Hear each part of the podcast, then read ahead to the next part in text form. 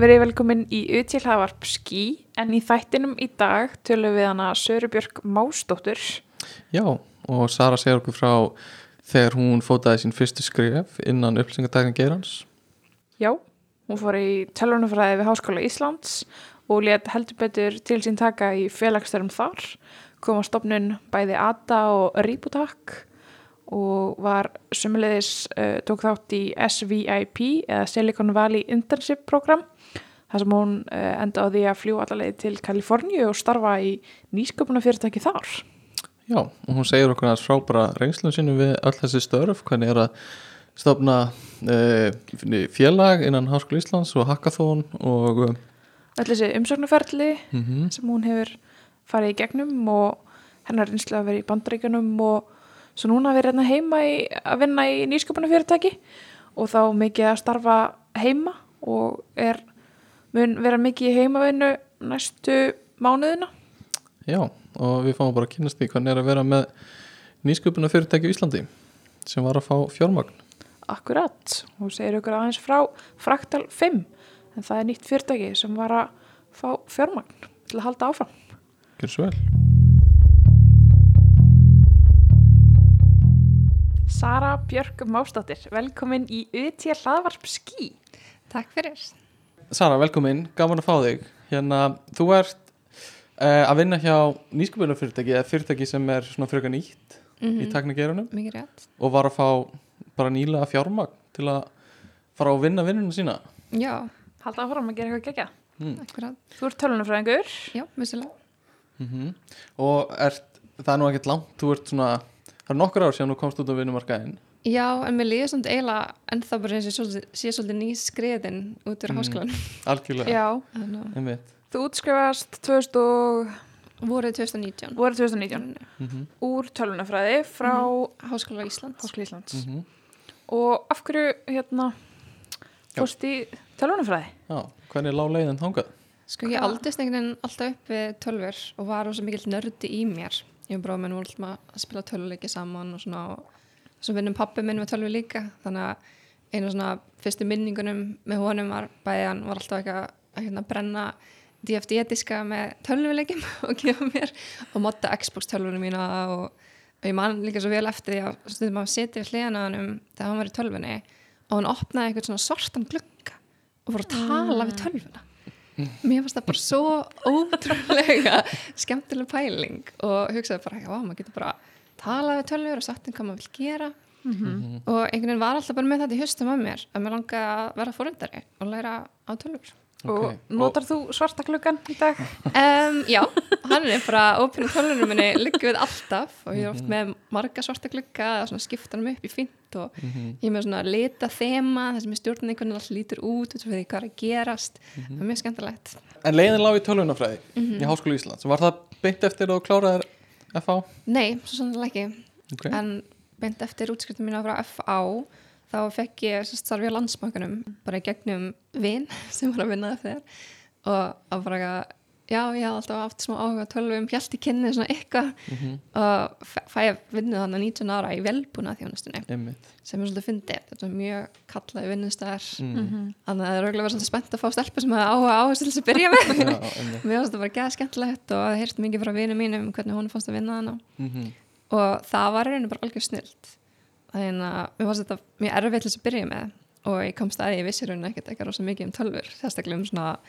um velbúnaðin sjálfun en, en svo er líka bara gott við þess að vinna að þetta er veist, allt inni í svona banka umhverfinu þannig að mjög mikið að hlutum sem þart hvort er að læra frá grunni. Þannig að maður fekk bara sinn tíma til að koma sér inn í þetta allt. Já. En ka- finnst þér þú, sko ég eh, kann ekki neitt um tölfur, ha- semast hardware eða velbúnaðin. mm Finnst þér þú vera með einhverju þekkingu þar núna eftir þetta? Já, algjörlega, þessu lærið mér mikið um bara veist, hvernig interneti tölum verkar Mm. og svona miðlaði serverar ég lærið líka bara um þú veist of mikið og óþægilega mikið um prentara og hvernig að setja það upp. Mér langar ekkert að kunna Það er.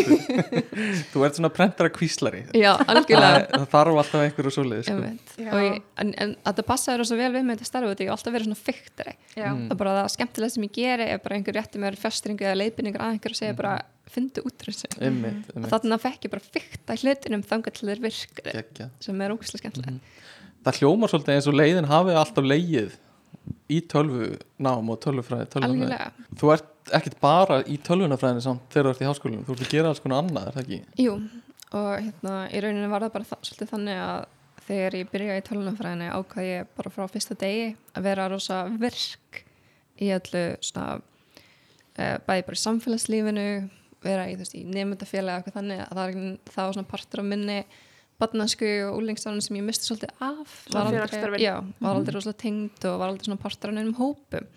Og ég hugsaði bara ok, ég er að fara í krefjandi nám? Ég þarf eitthvað neti kringum til að hjálpa mér gegn Algjörlega. Þannig að fyrsta sem ég gera er að bjóða mig sam, fram sem nýnum að fylgja Ok, að mæti geggjað. eitthvað algjörlega græn og þekki engin og eitthvað hérna, nýn og svona kynningakvöld hjá Mhm. nefndafélaginu og þarf að halda ræði fyrir framann alla Ok, og maður ekkert hvað ég sagði út sem ég blakka sem ég blakkaði á sama tíma. Ekkert var áfengi bara út á kvíð hafði aldrei, þú veist, þetta var svona ég já, það hafði aldrei verið neitt mikið að tala fyrir fólk og, og hérna finnst þér, finnst þér uh, svona þín hérna, viðvera í félagslífinu hafa hjálpað þér í gegnum námið?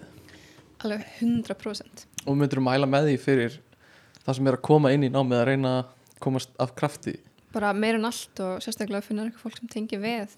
Bara að munar öllu að hafa eitthvað bara bæði með þú veist, þess að ströggli gegnum og, og mm. púla og nætra fyrir verkefni algjörlega. en líka bara þess að njóta góðu hlutina Mhm. og bara vika sjóndöldurhingin á því sem tekni er. Algjörlega umfram það sem maður lærir í skólanum bara.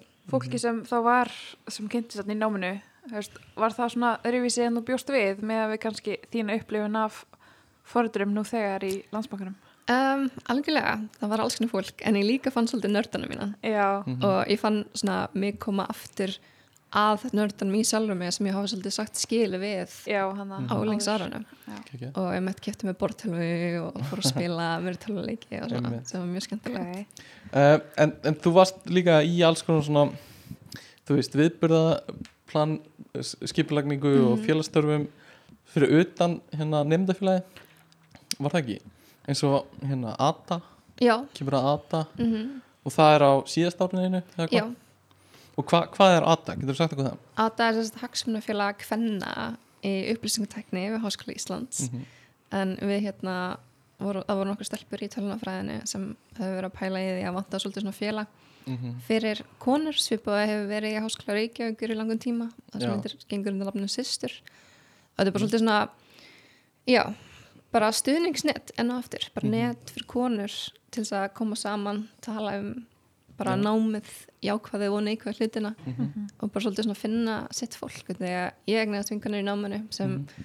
urðu mér mjög kærkomnar og var svona, það var einhvern veginn al- aðeins öðruvísi tenging sem ég fannst við stelpunar heldur en strákana það er einhvern veginn, við nálgumst þetta aðeins frá öðruvísi við nálgumst þetta aðeins einhvern veginn frá öðruvísi stöðum út frá því hvernig samfélagið hefur sagt okkur að horfa á þetta Einmitt. það var oft sem sem var ekki alveg að tengja við eitthvað sem einhverju strákar var að segja Mhm. akkurat en, hérna, en já, ég er satt hérna var fenginn til þess að bjóða mig saman sem formann í ATA og það var mjög skemmtilegt því að ég fengi svona smá um, smá hérna hafði fengið smá reynsla af því að vera að leiða hóp Mhm. og ákveða að prófa, mér langaði að prófa það sjá hvernig ég fílaði mig í einhver svona leiðtóka hlutverki Mhm. Og hérna alltaf að vika alltaf að hérna fara út fyrir kassan sinn, Mhm. út fyrir þægindaringin það var ótrúlega gaman og hérna, og þið, já, sorry, fyrir ætla ekki að grípa það fyrir já, en hérna ég og Kristjana mitt, hún var að vara formöður minn og peppaði mig í allt saman. Mhm. og ég þakklátt fyrir það. Gott Ætlaðu fengum, þú að gera ekki í formannin?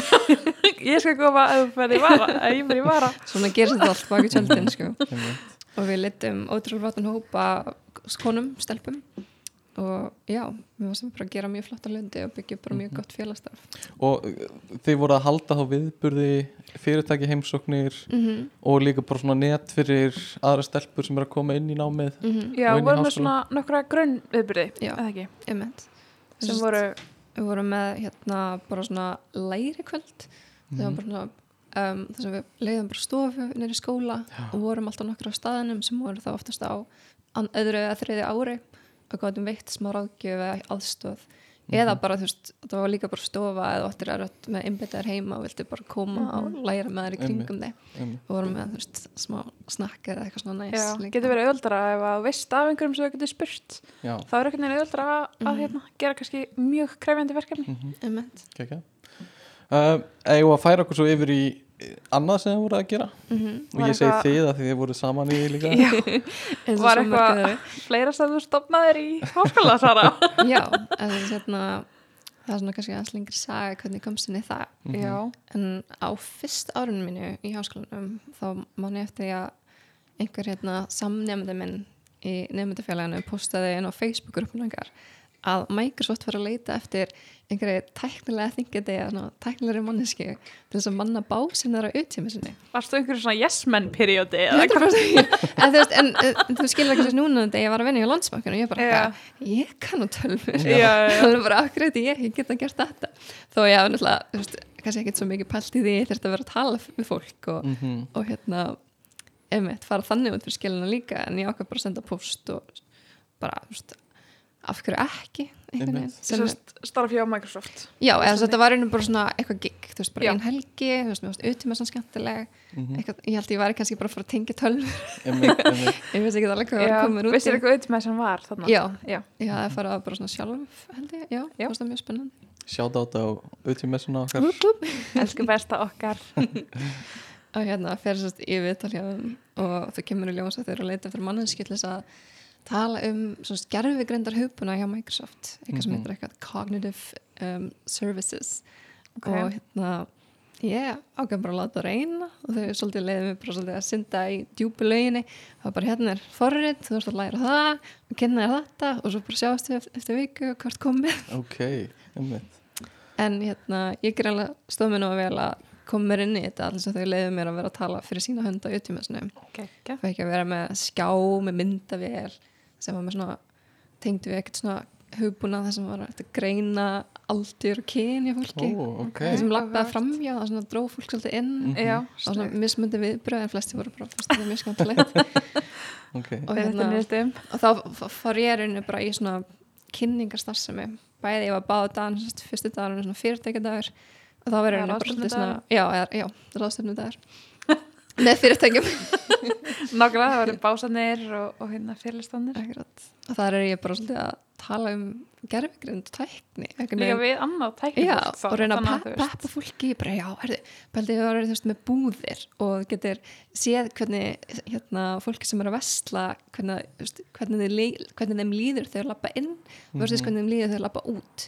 Og bara svona, allt í einu var ég bara komin svona svaka ham og gæti allt í einu fara bara svona spett, bara, já, hvað er þú að vinna?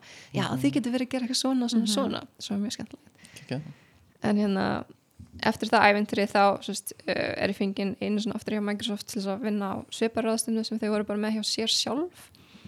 Og svo í rauninni árunni setna bjóðiði mér uh, starf. Svona uh, kalla svona student worker þau var aðeins að vera að vinna með nefnendum sem taka inn bara í svona hlutastarf. Mhm.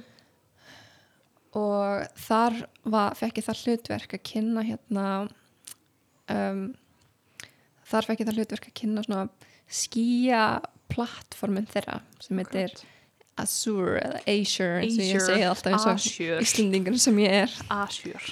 Azure eða liturinn hann svona blára fallið litur og er einu það sem ég er að gera ég er að fara í kynningar hjá háskólum landsins og bara gefa svona stuttar kynningar um hvernig þú átt að byrja að setja upp um, alls konar verkefni og gera hluti inn í Azure Mhm. og það þróa svolítið út í það að þau verður rosa spennt og bara, herri, Sara, hefur hægt um hackathon? Það er ekki ekki gegn pæling hefur við ekki haldið hackathon? Ég er eitthvað, já, þú veist, ég kann ekkert mikið að en ég hef heyrt um það, það er alveg spennandi. En þá er hérna, ég og vinkunum mín sem kynnti sér námanum sótt um eitthvað hackathon sem fengum post há í meilið okkar en komst ekki inn þannig við svona, vorum bara svona rétt svo búin að dífa litli tannu í heim og haka þannig og það var fríða Já, ekki? það var sérst fríða sem var meðstofnandi okkar Mhm. í hérna Reboot sem við erum að fara að tala um. En, en já, þau í Microsoft voru bara rosa peppið yfir þessu og svo peppið mér að að árin vissi var bara búið að bóka fyrir mig til að fara til Kaupanhafnar til þess að hérna, fylgjast með hackathoni þar Já. sem heitir Copenhags sem nefndur í DTU halda þar sem Microsoft var stærsti samstáttalinn þeirra og það var hackathoni var haldið í höfustöðum Microsoft í Kaupanhafn ok, Þetta var bara tekniháskóli í Danmörku að halda þetta og já, mm fyrir þá nefendur eða Já, Já. mhm. þannig að, já, og þeim er sem gáða mér ferðartösku með Microsoft logoðana og læti og ég alltaf bara hvað er ég búin að koma út? Þetta er allt mjög spennandi. Og ég man um hérna svo vel eftir að ég var að lappa hérna upp á BSI til þess að fara í flugurötuna Mhm. og ég ringdi í fríði yngri mér og var ekki, já, ég er að fara já, eins og vissl köpun hamnar.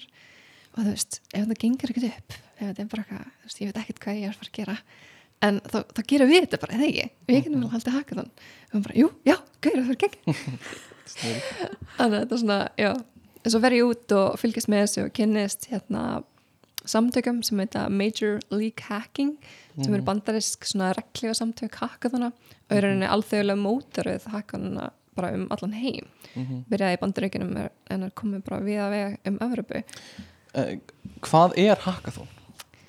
ef við, get, getum við við að útskýra það, kannski mm -hmm. en við höldum áfram einmitt. það er Já. blanda af orðunum hakka og marathon mm og orðið hakka í skilningnum að kannski finna lausnir, hakka saman hlutum, Mhm. svona hacks, finna góða lausnir á vandamálum. Já, Mhm. þetta er ekki að brjótast inn í e, Nei. pentagonið Þetta er ekki öryggis Nei, Nei, þetta er ekki örgisakun bara upp á fennið Einmitt. og, og hefur og í rauninni því ég kem hann út og fyrir að spjalla við fólk mm kemst ég bara að því að við á Íslandi erum bara búin að missa af. -hmm. já, það er ég var bara eiginlega í smá sjokki yfir hvað þetta væri vinsalt bara alls staðar í Evropu bandarenginum og við að nengstur í miðinni höfum bara alltaf heyrt um þetta. Já, Og og eins og þú talaður um, var þá bara fyrir nefndadrifin.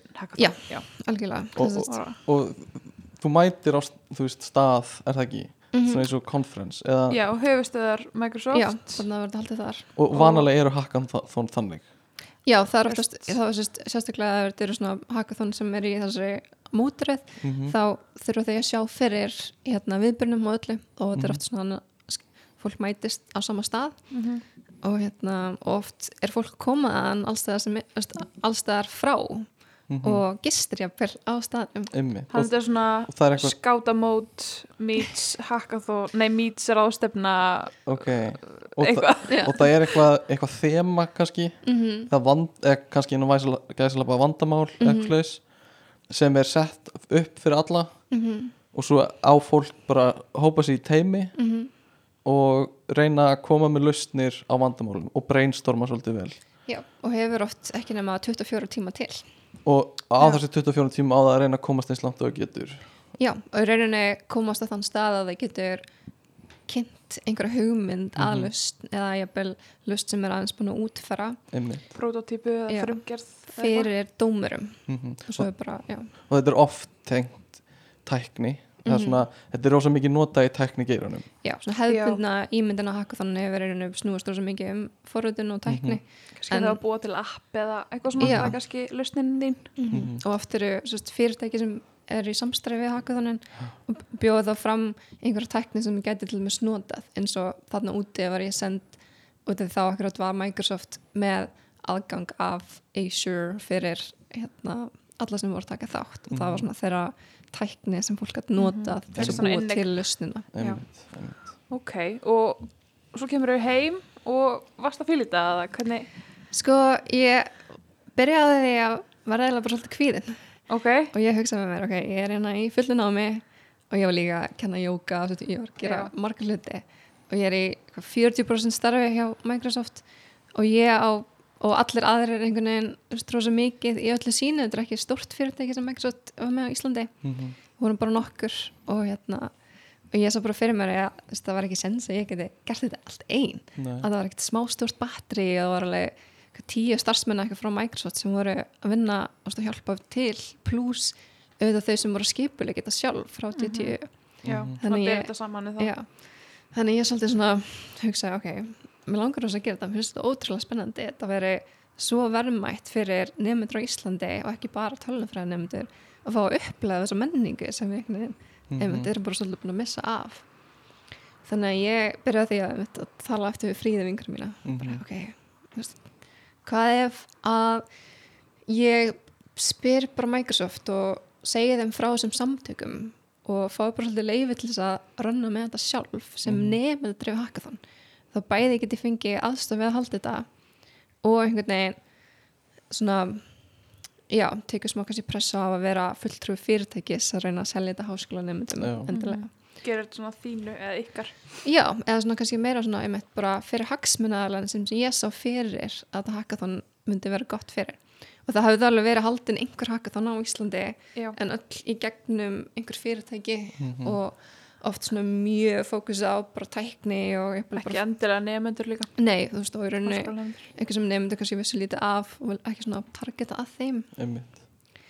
þannig að hérna ég fer bara og hérna í rauninni geri bara svona gefa Microsoft sem má svona tilbúð Mhm. bara ok, ég skal halda hackathon og þið verðið samstæðsæðilar mínir en ég vinn þetta samt bara með nefnendum Mhm. og gera þetta bara svolítið að einhver svona nefndendrifna hackathonu sem þið bara verðið fullpartur af eins mikið og þið viljið og við viljum Mhm. og það þróst þannig út að ég og Fríða erum bara tilbúin að taka slægin en, en áttum okkur sá að það vantar svolítið upp í allskins hérna kunnáttu hjá okkur með varandi viðbyrstjórnum þú veist, jú, við höfum verið í stjórnum nefndafélagsins og haldið einhver svona litla lílböll eða eitthvað svoleiðis Mhm. en allt sem kemur að þú veist bara að auðlýsa hakka þannig markasmál og allt við bara höfum ekki hugmyndum hvernig myndum einhvern tímann fá einhvern til þess að mæta á staðin þótt þetta væri þú veist vel skipulegt þannig að Einmitt.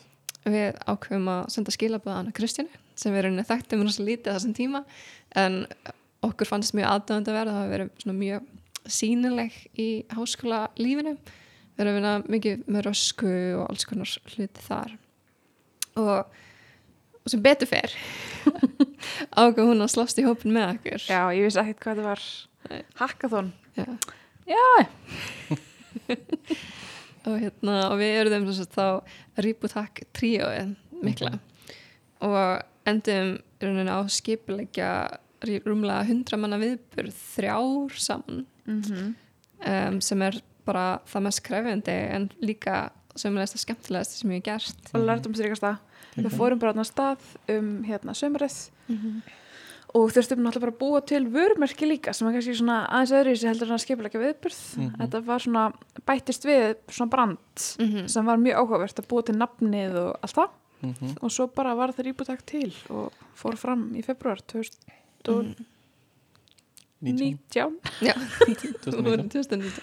2019 Mhm. og ef þess að Kristina segir að voru við svolítið að búa þetta bara til frá grunni og líka þú veist, við þurftum líka skilgreina hvað haka þannig væri vissi Alveg. það ekkert allir sko. Nei, bara fórum með þess að tala við dildastur og tölunafræði þeim tíma sem við vissi ekki eins og hvað þetta var Einmitt. og öll fyrirtæki sem var bara að reyna að fá til þess að vinna með okkur þú þurftu bara að byrja því að bara útskýra og fá þig on board með hugmyndin og pælingin um hackathon Einmitt. sem er eitthvað ótrúlega rótgróið alls þar annars þar í heiminum veginn Mhm. og það sem fólk sendur bara út einhver svona sponsorship pakka og það bara Já. já, styrkjum ykkur um svona mikið pening Já, Mhm. þú veist, önnur hackathon sem voru haldin af þessum hérna MLH, þessum Major League Hacking vorum, svona, vorum í svona hópum þess að vorum hérna fengum að tala við aðra nefndir Mhm. og þá einhvern veginn var þetta aldrei vandamál og við vorum alltaf með allt önnur vandamál heldur en þau. Mhm. að því í okkar einblöðingi þess að vorum að kenna hackathoni vorum við með bara stúrt bara hvað er hackathon? Já. en þá voru kannski hinn hérna hackathonin frekar bara heyrði við erum búin að fylla þetta, þetta, þetta þessa pakka, þið Mhm. eru velkomin hinga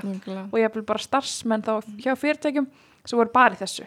Og þá náttúrulega bara Google og Facebook og hinn stóru við vorum kannski ekki að senda á svo leiðis fyrirtæki næma, við reyndum en fengum Microsoft Já. og fleiri. Akkurat. og það er í rauninni var svo skemmtilegt við það ferla allt og við, það var svona fyrsta reynslan mín og okkar af nýsköpun.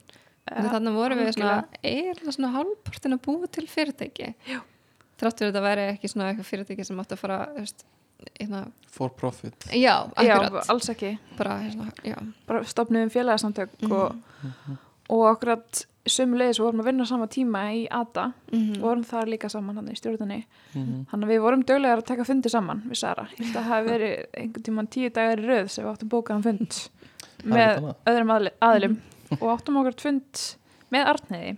Og það var útrúlega magnað að öllum fundum sem við fórum á var alltaf mælt með að tala við skí já, fara að tala við Arneiði í skí Já, Arniði skín það er búin að heyra í Arniði skí svo loksins fórum við þanga Mhm. og reyndar, reyndar fórum við sem Ada. Ada sem bara hagsmunafélag kannar, við ætlum alltaf að kynna okkur fyrir öðrum, öðrum hagsmunafélagum eða svona algjörlega. félagum á eina sinni. Mhm. en svo svona, það var einhver smá púk í okkur og, og við vorum bara svolítið að fíla Arni og áttum gott spjall og Já, við bara svona fundum að það var góð orðingangi og, og svona þegar kynningin okkar er búin þá svona, ég man ekki hvort ég hort til Kristján eða Kristján til okkar og bara, eigum við, að, að hérna, hérna Arniður, meðum við sína að reyna aðra kynningu? Vorum við bara svona glæri svo tilbúið um bæði? Það var með hérna, hérna pitchu fyrir skí hérna rýbútaka þannig, við vorum reyna ekkert með neina neinar hugmyndur um, við vildum ekkert fá neitt út úr því. Mhm. en hérna Arniður kom bara mjög mikið á óvart og Já, verið uppur hérna og var bara að fíla hugmyndina mjög mikið og fannst þetta bara ótrúlega spennandi Mhm. og verið stakk upp á samstarfi sérst, skí og utímassinnar með Já. rýbútak líka þegar við vorum bæði óháð samtök þú veist, Já. Einmitt. og, og við saman. já, og ég man að við löpum út af þeim fundi bara svona hop- hérna, skjálprósandi og bara svona, byrju, er þetta eitthvað?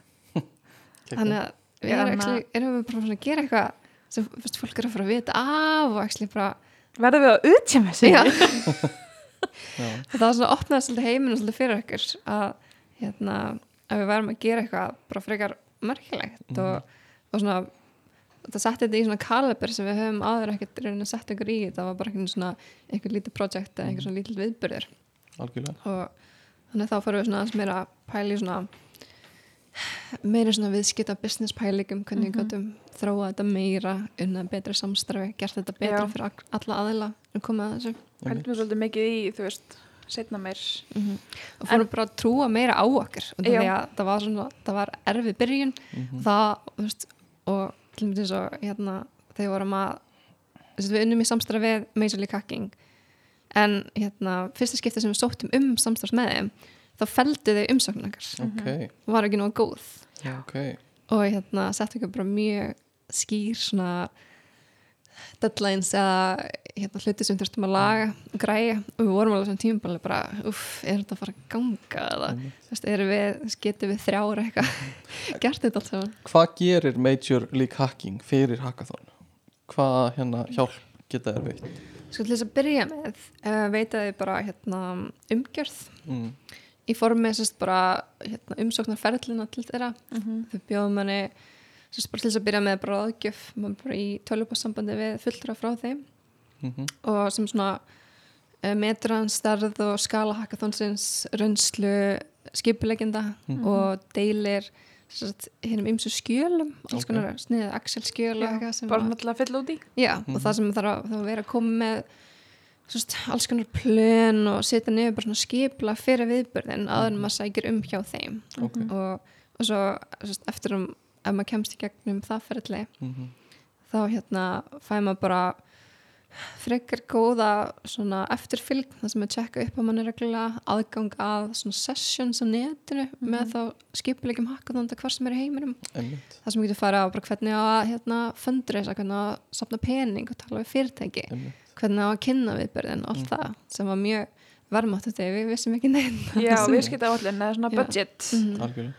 Og líka þú veist það sem að þetta gerir að því þau eru með bara F7 sem er rosa vel sótt Mhm. af fólki sem mætur á hackathon. Þannig að um leiður komin í gegnum ferlið þeirra þá auglýsa þau þig sem hackathon. Mhm. sem gerir það að verkum að þú ert að fá rosalega fjölda af umsóknum af erlendum aðilum. Snill þá vorum við svo nokkur sem flugu allar leið á Riputak 2019 Mhm. Einmitt. Uh, og þetta gekk vel uh, heldur betur. og uh, þetta, við getum málað þetta sem success held ég, bara nokkurnu algjörlega. Ekki spurning. Uh, hérna og uh, svo var þetta haldið aftur á ári. Já, en og þá þetta er ongoing brand já, Já, ekki dött ennþá. ekki deitt, það var ekki sem spurði hvort það væri deitt í sagði nei, Nei, þetta er- er er liggur undir feldi. Já, þetta er í sótkví bara. Já. Já, og hérna um, ef þið hefur áhuga á að taka rýbutak á starralevel Mhm. endilega sendið post á rýbutak.rýbutak.is Hashtag ad. Hashtag er- Herru, við skulum ef að prófa að, að brjóta þessu upp núna Já, áður um höldum áfram og kíkja í, í svona smá hraðaspurningar. Ekki? Ég Þetta er, þetta er ekki sko þekkingar spurningar Ég var nörgulega betri því heldur en að tala um sjálf mig. En já, vilt þú taka hérna uh, fyrsta partinn, ok. Stefán Gunnlaugur? Uh, þannig að þetta skiptist upp í bara svona venjulega spur, eða svona almenna spurningar og svo meiri svona forröðun og tengdar uh, og ég ætla bara að láta vaða. Þannig að uh, Android eða Apple? Úff, Apple, Ú. sorry. Varst að skipta? Já, útlit eða notagildi? Nótugildi kaupa á netinu eða kaupa í personu Ú, fyrir eftir. Bíómyndir eða þættir? Þættir, hundar eða kettir? Bæði. Tölvuleikir eða borðspil? Ú, borðspil. Eldamat eða kaupamat? Elda. Uh, svona over-ear hernatól eða in-ear hernatól Óver er og þið inn er með mín litlu eyru.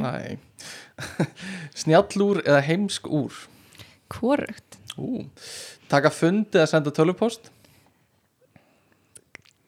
Gæti fundurinn verið í tölvuposti Ég- Bara hvort finnst þér hvort leggur meira áslá Takk fund.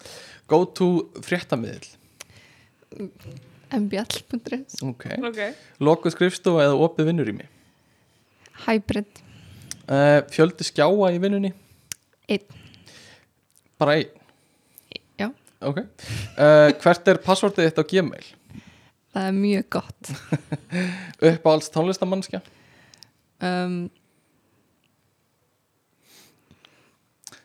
Fólk þarf að hugsa sér svolítið hérna. Já, Já, og fyrsta sem kom upp er bara Claude Debussy, það er svona OG Snilt. Já. Gekja uh, Vinna á staðnum eða vinna heima? Vinna heima uh, Vinna bara fyrir eða eftir hádegi? Eftir. Uh, Hvort myndur þú frekar ferðast 100 ár fram í tíman eða 1000 ár fram í tíman 100 100 já, Play it safe. Uh, það, Ég tók eftir það, það var svolítið mikið af hérna bæði svörum. Já. sem var Já. erfitt að velja. Ég er svona mjög mikið svona það fer eftir manneskja. mm, Það fyrir eftir. Já þú ert ekki með- depends. Með starka skoðanir. Á því líka. Mm, Já, en ég er með starka skoðanir fyrst, ég get aftur geta fyrir akkurat. mm, Maður þarf að passa. Einmitt. Ok, uh, svo er það hinparturinn Já, Það er svona meira forritara tengt. Okay. Og við byrjum núna. Mest notaða forritunamál Java, uh, PC, Mac eða Linux? Mac baby. Tabs eða Spaces? Tabs Kommenta jafnóðum eða redda því setna mm, Ég vildi myndi segja jafnum en það er eiginlega þetta ég setna eins og staðinu núna. Stack Overflow eða Stack Overflow? Já, mm Go to nafn á fyrstu temp breytu TMP Nice. Og svo frammendið eða bakandi.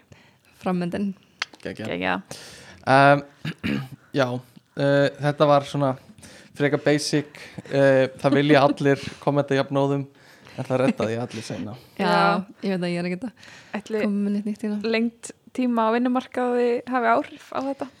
Já, Gæti verið. Það getur við starra vinnustæðar Já, nákvæmlega starfi vinnstað hversu margir sko kóða en mm -hmm. Þú ert ekki úrmanneskja heyri Nei. ég.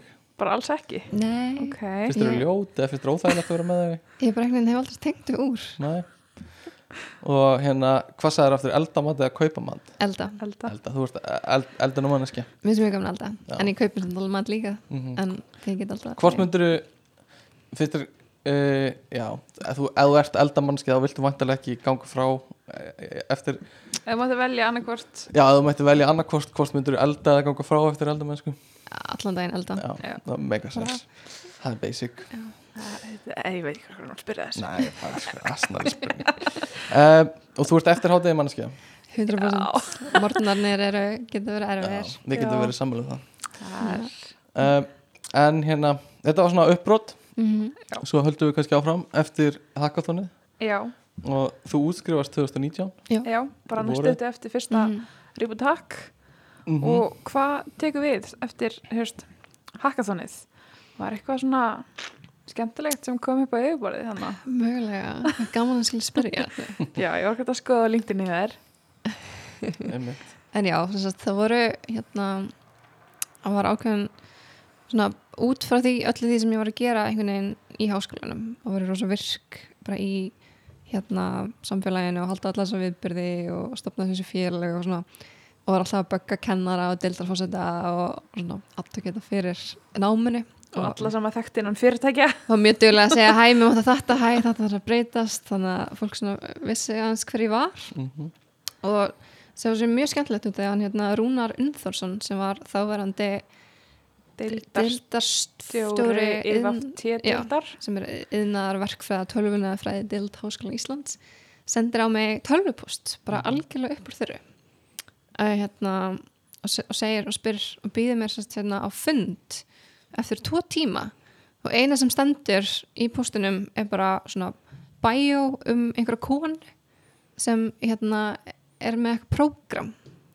Hérna, mann ekkert ekkert, það var bara svona, það var mjög impressiv bæjó, þetta er Sofía Mafús hún hafi hérna flutt einn til Kaliforni og verið svo virki í svona startup nýsköpuna senu þar.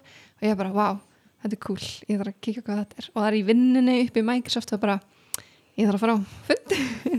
Auðvitað með hásklan og mætt nýri hérna, nýri á fund tveim tímum setna og þannig að haldin í haldin í atunni og, og nýsköpuna málar aðanendinu nýri bæ. Mhm. og ég lapp inn í eitthvað svona fyrst, fyrst og fremst þá veit ég ekkert hvað er að gera þarna og Rúnar er ekki mættur og ég er svona bara já, veit ekki hvað er að sita hvað er að ganga fram töskuna. Mhm. en hann mætir langsins og við förum saman inn í eitthvað herbyggi og mér líður bara eins og mest krakka í heimi þarna fyrst svona kannski fann ég svona fyrir imposter syndrom svona einhverju viss einhverju svona margtækjuleiti í fyrsta skipti Einmitt. og sérstaklega eftir við erum öll sett sniður og við erum að fara að ringin og kynna hvað við öll gerum það er bara, já, ég er fórstur þetta, já, ég er hérna yfir þessi og svo bara, hæ, ég heiti Sara ég er hérna, er alveg að tala fræði ég vinn hjá Microsoft svona smá og ég er skipilega hackathon Mhm. að þá hérna er þessi fundur sem hún Sofía hefur kallað saman aðeila bara innan ríkistjórnunar frá háskólunum til þess að kynna hérna eh, kynna prógram sem heitir Silicon Valley Internship Program. Og þess að skoða mögulegt samstarf íslensku þjóðarinnar og prógramsins til þess að koma þess að koma hérna Íslendingum inn í þetta prógram en prógrami snýst um það að um, nýla útskrifaðar tölunafræðingar eða fólk eða svona e, tölunafræða tengdum greinum fær að vinna hjá nýsköpna fyrirtæki út í Kísildalnum Sæll. í eitt ár. Silicon Valley. Mhm. sem partur af svona prógrami og neti og, og svona alls konar þannig. Mhm. og út frá þessum fundi eðst, eðst, ég kem síðan að því eftir fundin að tilgangur minn þarna sem ég vissi ekki alveg að byrja með var að, að vera svolítið tenging uh, milli Sofía og prógramsins við Háskóla Íslands. Mhm. og bara svona kynnindans fyrir nefndun Ok, og svona pæli í þessu. Og ég er svona þessum tíma er hakka þannig bara all lífið mitt. Einmitt. og ég pæli rosa litli í einhverju öðru. Það er ekki búin að, fa búið að fara fram hann sko. Nei, akkurat, það er bara allt bullandi undirbúning og einhvern veginn hérna, ná hábundi já. Þannig að ég er bara eitthvað svona, jú, já, þess eitthvað skrifa einhvern post og postin á Facebook eða og hengi upp einhver postur, svo er svo ekkert eitthvað mikið að pæla í þessu en, en hérna tek síðan spjall með Sofíu nokkur mánum setna bara svona til þess að ræða eins betur um þetta og til þess að ræða eins betur um þetta og bara svona pæla hvernig getum fengið enda meira fólk bara til þess að skoða þetta áhuga á þessu. Og sérstaklega það hvernig við getum fengið konur til þess að hérna, hérna bara þú veist, þóra að sækja um ok þegar það er ofta eitthvað sem vantar svolítið Mhm. það er bara svona alls konar hlutur um það hvernig átt að orða þetta og, og hvernig átt að koma sér fram til Íslendinga Mm. og svona undir endan á einu svona samtali þá spyr hún síðan já, alltaf þú svo ekki sækjum og ég Mm. bara, já, þú meinar já, ég var bara ekkert pælt í því En hvað er þetta? Hvað er það sem, það, já Uh, Silicon Valley Internship Program við erum bara samtök eða svona félag sem var stopnað af manni sem heitir Michael Hughes sem hérna stopnaði, hefur stopnað fyrirtæki út í Kaliforníu en Ok. er breskur að uppruna. Og þetta byrjaði sem tenging millir Breitlands og bandarækina til þess að bara fá bara meiri reynslu inn í nýsköpunar starfsemina þar. Í Breitlandi þá? Já, þannig með því að veist, senda þá breska nefnundur út mm eða þú veist, útskrifaða nefndur og fá það síðan til að koma aftur með allar einsluna Einmitt, og jafnvel innblásturinn og tólinn og þekkingun til að stopna sín eigin fyrirtæki einmitt, heima. Einmitt. og það gekk bara mjög vel og þannig þau ákveða að skalda þessu út Mhm. og, og eru búin að opna það fyrir mörgunur löndi í Evropu Ok. Ef rauninni allan heiminn með sérstöku prógrami sérstaklega bara fyrir konur. Mhm, en Ísland hafði einhvern veginn aldrei tekið þátt í þessu en hún var þarna fyrsta skipti að, að fá að sjá hvort það geti verið sett eitthvað svona af stað samstarf við Ísland. Ok. Og þú ákveður eftir þetta samtala að sækja um sjálf? Já, ég er náttúrulega miklaður rosa mikið fyrir mig mm, ég hafði einhvern veginn, þú veist, maður er alltaf að vita af kísildalum og Já, maður er alveg, þú veist, ég er svo hort á þáttaröð sem heitir Silicon Valley. Mhm, og Mhm. þannig Klálega. svona þú veist, sem Íslandingur einhvern veginn virkar þetta svo rosa langt í burtu og, mhm, og ég hafði einhvern veginn aldrei eins og fælt í því ekki að fara til bandaríkjan en ég hafði reyndar einhvern veginn slesast í hérna, sumarnám úti í New York við Columbia háskólan Einmitt. Og ég var alveg, bandaríkjan, jú, það er ekki alveg næs. Ok. Og, og svona fyrir heil, heilunast að það bara, já, hvað er ég bara frið til Kaliforni mhm, það, þú veist, væri mjög spennandi en ég náttúrulega auðvitað, þú veist, hef ekki ekki, ekki auðvitað en einhvern veginn hef ekkert eitthvað svona mestu trú að því að, að ég sé einhvern veginn með það sem þarf til þess að komast inn. Mhm, en ég hugsaði með mér, en ok veist, ég er hérna veist, á útskjörstu tölunafræði, ég kann að Mhm. forröða ég kann líka að leiða hópa fólki, ég kann að skipa líka hluti ég kann að búa til eitthvað frá grunni. Hvað er það annað en að vera frumkvöld. Mhm, nákvæmlega. einmitt. Og þarna var eitthvað tækifæri sem ég geti fyrir að vinna hjá litlu nýsköpnum fyrirtæki Ok. og fengi svolítið svona já, svona hands-on eða mjög hérna mjög svona koncentrera reynslu. Mhm, þar sem ég er ekki Mhm. bara einhvern veginn svona einn forröðari sem er bara svona einn dill partur á starra vél. Einmitt. En það, já, Þann, já, sorry. Þannig að þú flyttur út til San Francisco og hérna Sækir um að þengt sem var mildtíðinni já, og uh, og hérna ferði gegnum ferli eða ekki? Og þurfum við að skilja inn alls konar gögnum og forrita eitthvað eða ekki? Já, í rauninu byrjunin í umsókninni þá þarf það svara svona spurningum sjálfa þeim. -hmm. svona, þau eru að að fiska eftir hvort það sé einhver svona frumkvöðl í þér. Já, þannig að spurningur um eins og, hvernig fyrirtæki myndur stopna eða myndur stopna fyrirtæki. Mhm, og það þarf það líka hérna taka þetta í, í eða að hérna eh, leysa forritunar próf. Já, mhm, sem hérna var svolítið fyndið. Ég var búin að vera að fresta því rosa lengi, að umsóknarferðli var akkurat á sama tíma og hakka þannig var einmitt. Og ég bara gaf mér engan tíma í þetta. Ég var að skrifa svörun og svona en áttallast þessar heldins forritunar spurningar eftir. Já, og svo kemur að því að loka dagur umsöknunar er sami dagur og við hérna í rýbút erum að tala á utímensinni þannig að á þeim degi hafði ég vaknað klukkan 6 eða 7 morgunin til þess að mæta niður í utímensina tala framan á sviði fyrir, fyrir, fyrir fólk. Mhm, og var þar allan daginn einhvern veginn í kringum fullt af fólki.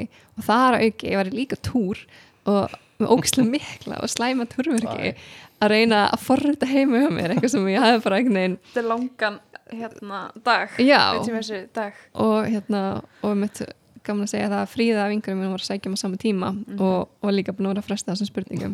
Þannig þeir tóku þetta saman á nefanum hann um kvöldi Já, og Mhm. við vorum ekkert að fara sérst, á ársantíðin okkar eftir að út að borða saman. Já, og hérna fríða kemur að sækja mig um kvöldi og við svona horfum okkur aðra og við erum bara, jæja, við getum alltaf reynda næsta ári. Já.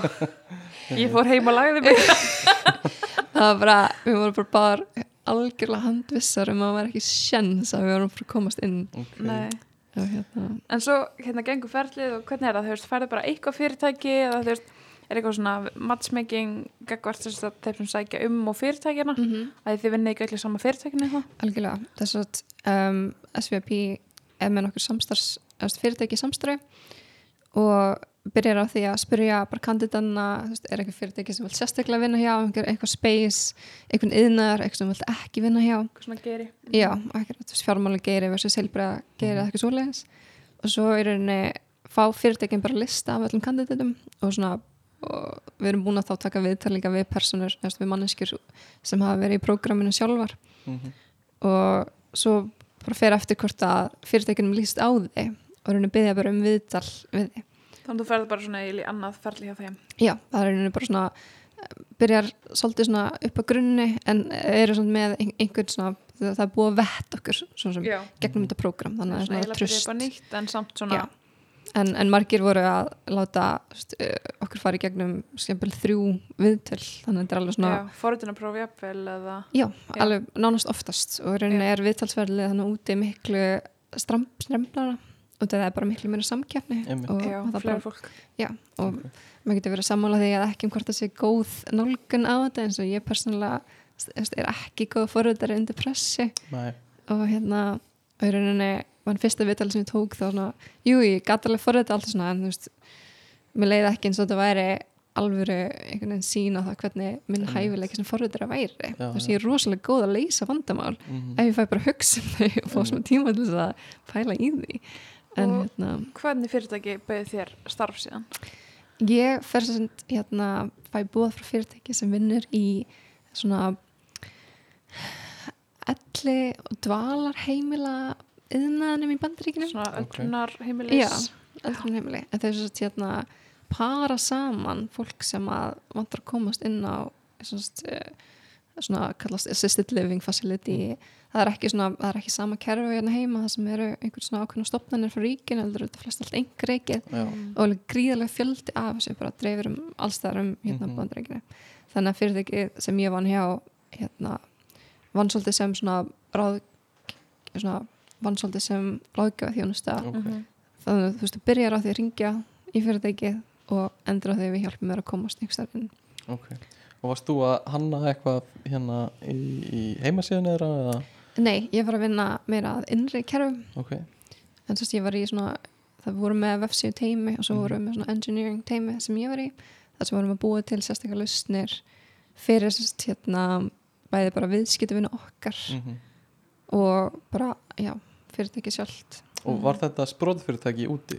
Nýtt? Eða? Nei, í rauninu ekki, þetta var hérna alveg tíu ára gammal fyrirtæki Ok. en var svona svona það var ennþá í svipum ham Já, Já. og, svona nýsköpunar Einmitt. fílingur Það var í rauninni- umhverfi kannski Já. að segja.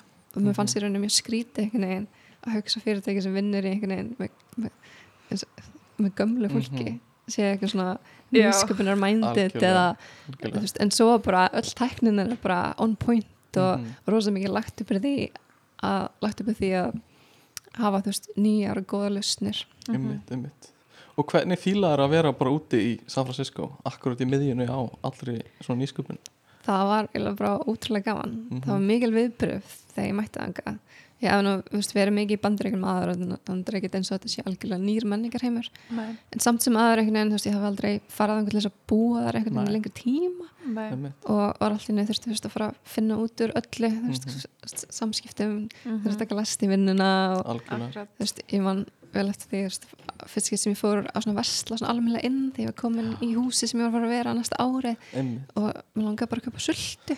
og það var bara svona 50 sultu tegundir Já. og ég fekk mér bara kvíðakast inn í Safeway. Einmitt. Og endaði að kaupa eitthvað sultu sem var geð vond eftir að var svona velja maturubúð þá ætla að velja sultu. En hérna hvernig var veist, svona auka umfram vinnuna? Voru, það, voru eitthvað Mhm. svona fleira sem prógramið algjörlega. Og raun og gerði með prógramið sér rosa mikið um allt ferlið til og þess að komast komst út. Fríða líka inn? Já, við veist, og einmitt, voru svo- fleiri eða? nei, það voru bara við tvær sem komumst. Og hva, hvað voru þið mörg svona í ykkar árgangi en gæsla 26 ok, vá. Mm. ég held að það hafi verið 100 og eitthvað sem kannski sótt eða, nei, kannski nokkur 100 mann sem sóttum ég man ekki Ok, okay, vá. hvað það var. Og voru kynja hlutföllin jöfn þá um, ekki alveg nei, en voru frekar góð. Ok. ok, og hvað var sem þið sem hópur innan prógramsins að gera saman Það var alls konar. Og hérna prógramið uh, skaffaði ymsluti eins og við byggum öll saman. Erum þar í tvei mismundu hús sem fyrsta mánu já, að menn við sjálf vorum að finna út veist, hverju gætum búið og svona og hjálpa okkur að finna út, þú veist, sitja bankareikninga og svona. Næs og svo í rauninni var ég frekar heppin að ég fekk pláss í húsi sem er sérst, í eigu prógramsins. Mhm, þannig Já. vorum sex saman sem fluttum þanga einmitt. þannig ég var einhvern veginn alltaf með fólki kringum mig og fekk svo Já. svona góða reynslu af því að, þú veist, að vera með hópaðan úti er erfitt að flytja í nýtt land Já. en það var miklu auðveldra að Mhm. það var alltaf fólk sem gera eitthvað með En hvernig var með kostnað? Þú veist, þurftu að borga fyrir, þú veist, var prógramið að borga fyrir eitthvað flug eða Já, borguðu þið eitthvað í þessu? við borguðum í rauninni bara hérna, einhverjar umsóknar kannski sendir þess á Íslandi Já, En annars- annars annars kofraði prógrami allt saman, bæði bara Mhm. vísakostnað Mm, og löffræðing og allt í kringum það til þess að sponsora okkur.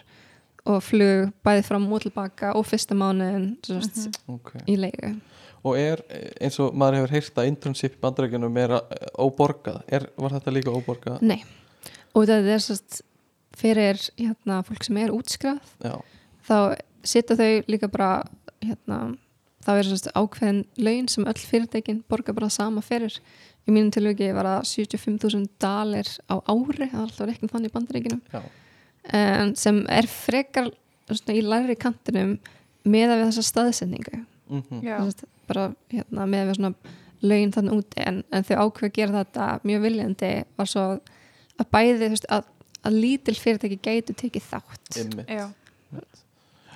Ok, og hérna hvað ertu lengið hann úti? í ár já, og sagt, það er allt með prógraminu? Já. ok, maður færi svo 12 mánuða vísa. Þegar maður Mhm. þetta voru sumir á 16 mánuða hefðu verið með mestragráði eða vinnu í reynslu áður ok. Mm. eftir að útskrift. Mm og hérna, og kemur þú svo heim bara eftir það? Já. Mm um, einmitt eftir uh, um, ég kemur henni heim ágúst síðasta haust. Ok semst ágúst 2020 Já. Mhm. og finnst þér að hafa fengið þá þessa nýsköpunar upplifun af sílikondalnum eða hver er svona þín upplifun eftir að hyggja af prógraminu? Algjörlega Mhm. og það, veist, árið byrjaði mjög skemmtilega og voru mjög duglega að fara á alls konar svona mýra upp sér fyrirtækjum og við skipulegum hackathon fyrir okkur sjálf sem ég var náttúrulega sjálfsög að að- og hérna eða, og, veist, og svo vorum við með plönum að gera margt margt annað, svo náttúrulega kom COVID. Já. Já. en þá var náttúrulega bara reynsla sem ég fekk frá því að vera að vinna hjá fyrirtækjan úti. Mhm. þetta er einhvern veginn allt annar kaliber. Um, og í rauninni já, þú veist, ég hafði ekki tekað allan tíman í heiminum til þess að vera svona órundir forröldari ég þurfti svolítið bara að hoppa og, og, út í leina og finnst þér eh, svona, þetta verið að gera það sem þú varst að tala um áðan að koma með sem sagt, þessa þekkingu inn í landið mm, heldur að þú veist að þú og fleiri sem myndir gera þetta séu að gera það þegar algjörlega, Mhm. ég vissi ekki hvað Series A fundraising var án ég fór út til dæmis Sem eitthvað. já, þú veist, veist, í nýsköpuna fyrirtækjum þá er oft veist, þú veist, fjármögnin í skrefum Já. eða svona bandarska mótilegir þá byrjar á svona sprota fjárfæstingu eða, Mhm. eða seed funding Mhm. sem er kannski allt frá 1 til 3 miljónir bandarækjadala Mhm. allavega þarna úti, sem eru sem Íslandi um, svo er það, það er svolítið svona proof of concept þannig að þú getur Mhm. mm -hmm. fengið þá fjármögnum bara út frá glærukynningu Ok. Það er svona viðkenningu og hugmyndina eina og einhver vil hérna, bara sjá hvort þeim komast til loft og þetta er veist, kannski kostnar fyrir nokkur starfsmenn í einhver tíma og, hérna, og ef það síðan gengur vel og þú kannski næri að gefa út vöru sem næri, næri einhverju svona traction Mhm. þá getur þú sérst farið í Series A sem er bara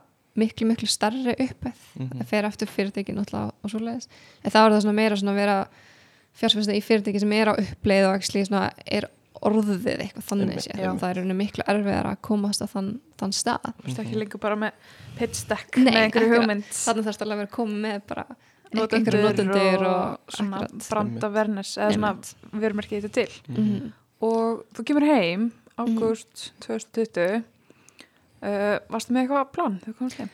Nei, í rauninni ekki Nei. og ég hafði í rauninni hætt í vinnunum minni eins fyrr þetta ég lendi í þessast bakmeðslum þannig ég var frá vinnu Einmitt. og einhvern veginn eftir alltaf þá langaði mér bara svolítið að koma aftur heim til Ísland Einmitt. en hérna ég veist ekkert hvað að fara að gera og var einu svona um, var einu búin að vera í hugleggingum að fara að sækja um, um bæði úti og heima í svolítið langa Já. tíma einhvern Mhm. veginn ekki, kom mér aldrei í það Sástu þig alveg fyrir að halda áfram úti svona fyrir utan allt sem var í, í gangi ég, ég sá það fyrir COVID fyrir svona, COVID, já, já. einmitt. en í rauninni þá já og leiðin sem að margir tóku þann úti var sérst að fá fyrirtæki sem voru að vinna fyrir sig til þess að sponsora vís á þeim þarf alltaf að vera með vís át í bandaríkinu, vinnu vísa. Já, það er ekki eins og í Evropasambandinu sem getur farið bara unni hjá hvað fyrirtæki sem er. Nei. það er alveg þú veist, að peningur og löffræðkostnar sem fer í það og líka lottur í sem þú ert að vinna. En það var aldrei, þú veist, ef ég hefði verið, vilja vera áfram þetta var aldrei gefið. Mhm. Nei. og ég svona aðeins þú veist, talaði við fyrirtæki mitt um þetta vísa. En ég lendi í því að sérst, fyrirtæki sem ég var að vinna hjá var selt nýjum fjárfestum rétt að ég byrjaði og fór í gegnum rosa mikla breytingar. Mhm. það er með þú veist, að hafa upplöfað það og sé að bara endur skipulagning á heilu fyrirtæki Mhm. var eitthvað sem var mjög lærtamsvíkt erfitt en do's and don'ts fyrir svona næsta. Mhm. og í rauninu það fluttu þau flesta starfsmenn sína til Norður Karolínu Ok. á sérst austustönd bandaríkjana Mhm. og þá hérna þeir kom upp að spyrja hvort að hérna ég myndi vilja vinna áfram með vísa fekk ég bara svona ultimatum svolítið að já, ef þau flytur til Norður Karolínu skilum við ekki að vísa. bæðið það eru miklu larri laun þar sem þarf að borga forröldurum og líka bara þau þú veist, voru að fara að hætta með skrifstöðun í Kaliforníu. Og þegar þú komst heim langaði þið þá að vera í tæknibransunum með nýsköpun áfram? Þú veist hvað svona var markmið eða Já. svona stefnan? Já. algjörlega. Og, og hvernig hver var svona næstu skref í því hér í rauninni hérna var ég í veikinda leifi úti. Já. Og var því svolítið bara eitthvað svona í einhver svolítið svona skrifni skrifnum pælingum Já. en hérna það var bara svolítið svona þrejá fyrir mér byrjaði ég bara að nota tengslindi svona aðeins Mhm. um, sem að og hafi hitt alls konar fólk kynst í gegnum hakka þannig og svona mm -hmm. nöfn poppa upp og sóttum hjá kannski einu, tveim íslenskum fyrirtækjum sem sjá að vera að auðlýsa um, ég vissi í rauninni ekkert hvar mér langaði að vinna en ég vissi mér langaði að vinna hjá svona kannski minni fyrirtæki Mhm. það sem fengi að vera sem er svona eh, hands on í hlutunum Algjörlega Og það er líka, það er kannski svona líka það sem er svona nýsköpunum sem hann kristallar það er þessi Já. vinna einmitt. og hjá fyrirtækinu úti þá var ég með fekkið svo gott tækifæri til þess að máta mig inn í hinnar ymsum forröðunar Mhm. stöðir en ég, ég, lærði á þrjú ef ekki fjögur ný forröðnutungumál og Vá. hoppaði svona úr einu verkefni í annað þryggja manna frest og fekk svona, svona kynningu á öllu einmitt. það kynntist af meðal annars uh, svona frameworkinu React sem er svona frammenda forröðra dót Mhm. og Algjörlega fannst það mjög skemmtilegt og sá mér svolítið fyrir í því svona meira í svona frammenda pælingunum Mhm. ok og hérna já, en var einhvern ekki með ekki mjög góð hugmynd um hvaða fyrirtæki í Íslandi ég var til að vinna fyrir Nei. Ef hérna var kannski ekki eitthvað rosalega spennt fyrir því sem var að gerast. Einhver sem myndi vilja vinna fyrir einhver manneska ég er ekki sem við svona, er með í hugunum þarna. Nei. það eru sömur sem gera það sko þegar þú veliði bara yfirmann. Mhm, það er ákveðin nálgun þá þarf maður að þekkja fólk sko, Akkurat. og vita hvað er að gerast og svona líka, þú veist, Mhm. það- þú veist ekki alltaf hver er að stunda nefnilega sko. En, en það hérna kemur upp að gamla góða tengslunetti kemur stert inn og er ég bara eitthvað að kíkja á LinkedIn og alltaf búin að hérna pússa prófílinn sinni upp og ég var búin að gera ferilskra og svona þannig ég var alveg ég var tilbúin að kíkja á okkur hluti Mhm. en var ekkert svona mjög investið í þessu enn sem komið er en þá sé ég hérna maður að nafni eða hérna Maður hér Guðmundur Sonur áka að hérna, maður sem að hafi svolítið verið hérna, umtalaður í nýsköpnarsinn á Íslandi var hérna, búin að uppfara statusin sinna á LinkedIn þess að maður getur verið með svona einhver svona texta sem, Já, sem maður sér. einhvern veginn. það var bara founder of stealth company uh, co, we're hiring software engineers uppröpunumerki Ok, og þetta er sérst hann Guðmundur Hafstinsson sem er í það yfirmennum minn. En hérna, ég þekkt hann þá sem Gumma Google. Og er að gera það ekki hann sem gumma Google. En hérna, af En- því hann var að vinna á Google Jú, að því hann var að vinna í Google. Ok, og hann hafi komið upp um, í hennum ymsu umröðum tengdum hackathonu Já, það var, svona svipað eins og með Arnæði alltaf bara, er ég búin að heyri gumma Google? Og við hittum Og hann hérna- einu sinni á Startup Reykjavík hitting. já. Við eitthvað svona munum hver aðra ég að fara að tala við hann. Já. og eftir það aðdæði hann úr LinkedIn og var svona, ég sagt Já. þrjú orðið hann kannski. Akkurat, og og. Magnin ger örglega ekki ráð fyrir að myndi eftir manni. Nei, en enda akkurat, hérna sé ég þetta á LinkedIn og, og þetta er aftur svolítið eins og með Microsoft dotið, alveg bara svona hm, ég hef enga tapa. Og sendi á hann skilabóð sem byrja akkurat hæ, þú mannst öruglega ekki eftir mér en við kynntumst á þessum viðbyrði Mhm. og hérna ég sé að þú ert að gera eitthvað mega spennandi uh, ég, ég hef áhuga á ég er hérna að flytja heim ég er búin að vera hérna út í Kaliforníu í mjög cool prógrami ég var að leita mér að nýjum tækifærum og vissi þá náttúrulega hann hafi sterkar tengingar við nýskipinu sinna í Kaliforníu þannig ég held að það myndi gefa hann Mhm. einhver prik í kladdan og svona Mhm. og mér til hérna mikil gleði Mhm. Heyra hann tilbaka í mér og við setjum með fund og ég man að fyrsti, fyrsta spjall okkar átti sér stað í þjóðgarði í Kaliforni það var svona mitt sumar þegar maður var aðeins byrja orður að fara út fyrir borgina þá hérna hafði ég ráðað um tjaldsvæði í, í hálftíma áður til þess að finna nógu gott netsamband til þess að taka Ok. Já, þetta var Símtal. áður en þú fórst heim já, Já, þetta er alltaf þú að þar gerast og hann á Íslandi já, þetta er alltaf að gerast ennþá í bandaríkunum Ok. Já, og svona byrjað að þrjá fyrir þér að þú varst farin heim Akkurat. Mm. og hérna og ég svona, já og áttum bara ótrúlega skemmtilegt samtal þar sem Mhm. hann var bara svolítið svona að segja frá þeim pælingu sem hann var í Ok, þú veist, svona, og ég var svona að segja bara frá minni reynslu hvað ég hafi verið að gera úti og það resonætið bara mjög vel við áttum mjög vel saman ég var ekkert líka á svona stað þar sem ég gat svolítið hoppað inn í óvissu Mhm. Mhm, og var náttúrulega bara fyrir að koma heim fara að búa aftur hjá mömmu í smá tíma Einmitt. akkurat. vissi að þess hefði smá tíma til þess að treyja fyrir mér og, hérna, og þurfti ekki að fá starfsaming í hendunar þú veist, í- þú veist, strax. Ég gæti svona að og rauninni kom inn í fyrirtæki fyrst sem bara svona hálfgjörðu verktæki. Svona, svona, og þá, þá í þeim tíma var það bara gummi og veist, sem voru bara með svona hugmynd aðeins rétt sem byrjaði á einhverju prototípu voru- Björgvin. Björgun Guðmundsson. Eh, Hvaða bakgrunn hefur Guðmundur? Er hann fórhættari sjálfur? eða? Já, eða hann er í rauninni hérna rammaks og tæk Ramast og tölver tölvuverkvæðingur Ok, en hann hefur stopnað ímis fyrirtæki er með líka með hérna MBA gráðu frá hérna MIT ok.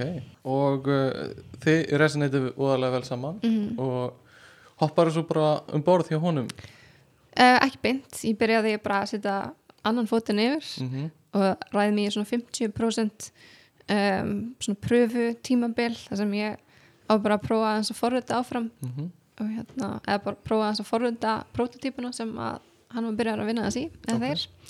Og svo ætlum við bara að sjá til hvað gerðist. Mm og ég- á sama tíma eða stöðurinn bara tveim vikum eftir það flytt ég heim og held áfram að vinna við hittumst í personu. -hmm. um, það gengur alltaf svo vel og mér er síðan búin uh, staða hjá fyrirtækinu og í rauninni þá teknilega sé fyrsti starfsmenn sem er fenginn inn. Ok, kekja Og uh, þetta hefur þá verið að gerast einhvern tíman á seinni hluta síðasta árs? Já, bara í lók júli byrjun Já, bara Mhm. já, bara í ágúst svo hérna Já. 2020 Ok, og eftir það þá ertu komin í fullt starf mm sem fyrsti starfsmæður og uh, það sem, þú veist, þetta er sprótið fyrirtæki eru þau komið með einhverju vinnuðastöðu eða hvernig er svona sko hinga til hefur bara verið að vinna heima. Mm og sem er mjög skiljanlegt já, aðstæður. sérstaklega bara Mhm. líka út í að þetta er COVID, Mhm. þannig að það var ekki einhver pressa að gera það og, og fyrstu mánuna voru við líka bara þrjú en Einmitt. þá voru, hérna hittust við alltaf bara heima hjá gumma og sátu við gamla, þú veist, einmitt. og þú veist, tókum hátegismat saman einu sinni í Mhm. viku og spjöllum og brainstormum og svona, Mhm. og núna erum við aðeins búin að stækka Ok, en, og erum svona að byrja að skoða hérna aðstæður og hvað hva heit fyrirtæki? Að já, fyrirtæki heitir Fraktal 5 Ok, og uh, finnst þér að vera að fá þessa svona típisk, eða svona þessa, þessa svona essensið úr nýsköpun núna? sko 100% Mhm. miklu miklu meira en mér hefði órað sem einhvern veginn manneskja sem ég lýr eins, eins og ég sagði ennþá nýskriðin úr háskólanum. Algjörlega. Að hérna fá að vera í einhvern veginn stöðu þar sem bæði ég er að fara að vinna með rosalega reyndu og hægulegur ykkur fólki. Mhm. en líka bara það sem ég fæ að setja við borðið og tjá skoðanir og fá að móta vöruna það skiptir svo miklu máli. Það er svo gefandi einhvern veginn. Emme, þú veist, ég er ekki bara einhver foröldri sem einhver er að skipa fyrir. Mhm. ég fæ að segja, ei, við ættum að gera þetta svona af, Mhm. af því að, algjörlega, algjörlega og veist að það kemur með eitthvað á borðinu sko. Mhm. akkurat um, við, eh, við skulum skoða ef það er sama bara og eins mikið og við getum mm hvað hérna, hvað við erum að tala um eða hvað, hvað, við, hvað er að gera -hmm. og hvað, hvernig er það að þjónusta hvert er markmið fyrirtækisins? já, markmið fyrirtækisins er bara að gera mannlega samskipti aðeins betri bara aðeins að reyna að innfalda þetta allt þetta samfélagsmiðla tengingar Mhm. sem er henni mér finnst ótrúlega skemmtilegt við þetta er akkurat það sem ég langaði að gera þannig að í Tælandi þegar ég var að samfæra mig um aftur að fara í tölunafræðina Mhm. en það er svona oft talað um Facebook og Instagram og svona þannig samfélagsmiðla sem social media 1.0 ok, Ok. það sem allt snýst svolítið um að þú ert með eitthvað svona presence, þú ert með eitthvað vegg eða eitthvað Mhm. feed, það sem fólk er að læka og kommenta og þar, þar er einhvern veginn samfélagið þitt og Mhm. það er oft opið út af við og oft svona já, þú veist, kannski tengslu með einhverja personu sem ert að sína á netinu. Mhm. en við erum svona að hugsa aðeins meira í hérna þá átt sem sem er að kalla social media 2.0 ok, það sem að Mhm. hlutir snúast meira bara um þitt persónulega net og bara þín samskipti við fólki sem þú vilt hérna, tala við. Ok. Og svona hugmyndin er svolítið að hérna þú veist eins og bara núna í dag það eru endurleysar leiðir til þess að heyra í fólki já, en vá. samt einhvern veginn gerir maður það ekki maður er alltaf svona, Nei. "Æ, já, ég ætla að heyra þessum og ég ætla að heyra þessum Mhm. en maður endar einhvern veginn á því að tala alltaf bara við sama vinhópina sem er þrjár manneskir maður líka bara gleymir að heyra í fólki. Já, og, og svo er sunnudagur og það skrítið og sendið um telebúst fundabóð já, ef þú getur sketsjulað en það er ekki að sketsjula en þá og fólk er einhvern veginn alltaf að gera svo mikið og svo upptekið og þú getur ekki bara já, frjóla að gera. Þú getur veginn alltaf, ekki alltaf bara tekið upp síman og, og nei, hérna, náði manneski svo veist ekki hvað fólk kvílar eða þú veist, nei, þú síma mannska eða ekki sumir eru það mismikið þannig að við erum bara svolítið að reyna að einfalda það með tekni Mhm. um, að hérna að ná saman þá Já, bæði bara veist, að eigi samskiptum við fólk og jafnvel í framtíðinni bara að, að hérna, plana hittinga eða hérna Mhm. eitthvað sé, ég veit ekki alveg maður sjá. einmitt. Og ég veit ekki hvort þú mátt fara út í það eitthvað meira en er þetta app eða er þetta heimasíða eða þú vilt kannski ekki tala um það? Já, við erum sérst hérna, erum að fara þetta app. App, Já. ok. Og hvað er þið orðið mörg, hvað þið segja voru að bæta við ykkur? Mhm. þið voru þrjú, eru þið orðið fleiri? Já, við erum búin að stekka upp í fimm Núna erum við- Fraktal 5 Já, fraktal fimm það er alltaf að breyta nafninu þegar það bætist við Já, hérna frá við erum rætt ýmsar útgáður af því Er það ekki? en við erum komið með algjörlega frábært teimi Mhm. sem við þykir ótrúlega vant að vera partur af má ég spyrja hvað hverjir eru, eða þú veist, hvað gera þeir sem eru með, eru þeir Mhm. með þú veist, tvo förundara, ein markas eða eitthvað Mhm. svona, Hva, hvernig skiptist þetta? Við erum, tvö sem erum aðla forða Ég er svona meira að vinna í framöndanum ok, og svona lukkinu og öllu sem tengist notendunum og upplifinni og mm hefur meira þess að vera að sitja hans á með hönnunar hattin ok. Já. og svona út, út frá þörf. Og hérna svo er einn annar já, sem er svona meira bakenda megin Já. Mhm. og gummi sjálfur var mikið að forrita bara bakendan appinu þegar við vorum að byrja. Og hefur svona, þú veist, er með meira svona high level pælingar um hvernig allt tengist saman og hvernig við erum Ok. að vinna Já. allt svona svo erum við með hann Björgvin sem er með svona markas og samskipta Mhm. og bara svona almennur pælari og er náttúrulega algjör gúrú í því algjör og bara Mikill samskipta, já, já. samskipta maður og hefur verið með alls konar bakgrunni það veit hvað hann er að gera og svo vorum við að hérna, fá hönnuð loksins. ok, og þannig að þið eru bara svona að vinna í þessu saman og hvað er svona þitt sem þú gerir, hvað finnst þið svona skemmtilegast í vinnunni sko aðalstarfið mitt er að forrita og íkynna hvað á tungumálum og umhverjum er já. það fyrir þetta við erum, að gera app Já. og við ákveðum að nota forröðunar tungumál sem heitir React Native mm Aha. sem sagt gerir fólki klift að forröða fyrir sem sagt, bæði Android og iOS á sama tíma Mhm. svona nokkur neginn með sama kóða Einmitt. ok, sem, Ég- Já, er það sambarlegt flöttir eða já, ok, nema í rauninni er byggt upp á React um, libraryinu Mhm. já, og svo þannig að það er mjög kemlikt og ok, það er rauninni ástæðan fyrir að ég fitta ágætlega vel inn í þannig að byrjunar ég, ég var aldrei snart React Native sjálft Nei. en ég þekkti React Mhm. já, Það- er ekki það sama að maður getur svona að hoppa út já, mann flöttur Ok. okay. með sitt eigið e, tungumál Mhm. já, sem ok, það er að læra Já, ég, ég hef unni í React Native sjálfur um, og þetta er JavaScript tungumál í já, rauninni í rauninni og uh, við fyrir kannski ekki drosa djúpt hún í það en uh, ég var samt að pæla að því þú sagðir að hún mest notaða tungumálið eða forðunumálið þetta var Java. Já, það er auðvitað JavaScript kannski í dag ok, en ég ok, veit það sem ekki alveg. Já, tungumál mitt.